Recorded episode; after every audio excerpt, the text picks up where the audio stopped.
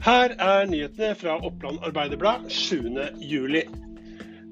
Nord-Aurdal kommune vil vurdere å forfølge barnevernsaktivisten Rune Fardals publiseringer etter at en 13-åring ble hentet ut av sitt hjem søndag. I videoen Fardal publiserte søndag, blir to ansatte i barnevernet for Valdres fotografert og navngitt når de sammen med to politibetjenter skal hente ut gutten, og dermed effektuere et vedtak i fylkesnemnda for barnevernssaker. I videoen sier Fardal at jeg har filmet selve handlingen når gutten blir dratt ut av sin egen seng i et rom som er spesialbygd for å skjerme ham for bl.a. sterkt lys. Gutten er under utredning for ME. Kristen Sveås vil bruke sommeren til å tenke gjennom hva han nå skal gjøre ut av eierskapet sitt på Viker gård ved Randsfjorden. Eh, milliardær og Kistefoss-eier Kristen Sveås kjøpte Viker i 2019 for 18 millioner kroner. Og med sine drøye 8000 dekar skog og 288 dekar dyrket jord og 500 eh, dekar annet areal, er dette den største og høyest prisbelønnede landbruks, eh, pris, prisede landbrukseiendommen som noen gang er omsatt i det åpne markedet i Søndre Land. Før han disponer, kan disponere eiendommen, er han normalt avhengig av landbrukskonsesjon. og Dette søkte Sveås om i mai i fjor, uten at konsesjonsspørsmålet så langt er behandlet.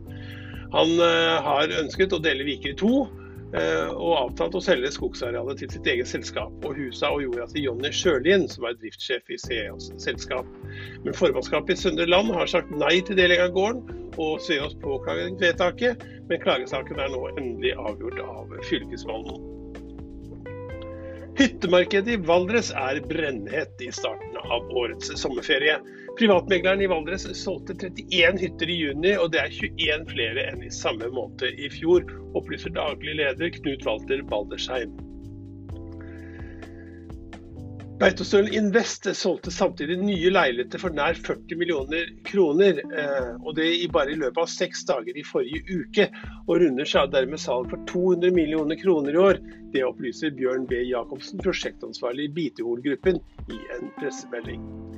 Uten en eneste salgskontrakt i boks investerte Beitostølen Invest 1 milliard kroner i leiligheter på Riddertunet, og i dag er de tre første byggene med 52 leiligheter i Beitostølen sentrum ferdige. Innen 2025 skal mellom 200 og 240 leiligheter være klare, opplyser Beitostølen Invest i en pressemelding. 28 fikk fartsbot, to mistet lappen og sju bøter for bruk av mobiltelefon i trafikken ble utdelt da UP hadde kontroll på rv. 4 ved Hunndalen eh, tirsdag.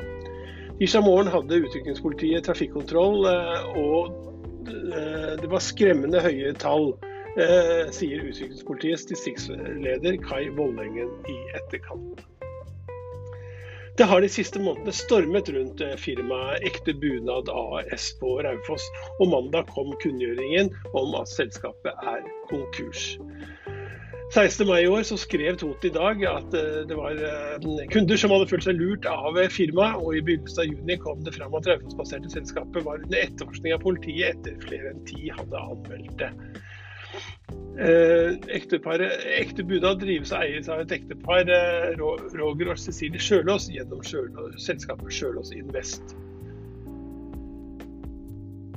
Selskapet har vært Norges største nettbutikk for bunadsølv i flere år, og hadde en omsetning i 2018 på 9,2 millioner kroner, eh, men hadde da et minus på 573 000. Tirsdag var det slutt på daglige postutleveringer. Hvilke dager postbudet kommer på besøk, kan du sjekke på Postens nettsider. Postbudet kommer, eh, kommer annenhver dag eh, fremover, som følge av at behovet for eh, brevpost er gått betraktelig ned de siste 20 årene. I dag mottar hver husstand i gjennomsnitt tre brev i uken, og i årene fremover vil det bli enda færre brev, sier konsernsjef i Posten Tone Ville.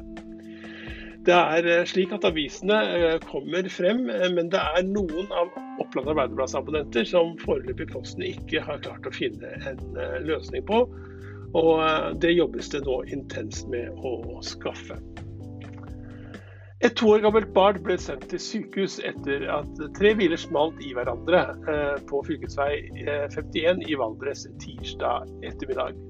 Barnet skal eh, være tilsynelatende uskadet, men er tatt til sykehus for en grundigere helsesjekk pga. den lave alderen, opplyser operasjonsleder Per Solberg til Oppland Arbeiderblad. Politiet i Innlandet opplyser at de fikk melding om ulykken like før klokken 16, og at det sammenstøtet skjedde på fv. 51 like sør for Moane. Ulykken skal ha skjedd da føreren av den ene bilen kom over i motsatt kjørefelt, og to møtende biler eh, klarte ikke å svinge uten, uh, unna og ble truffet.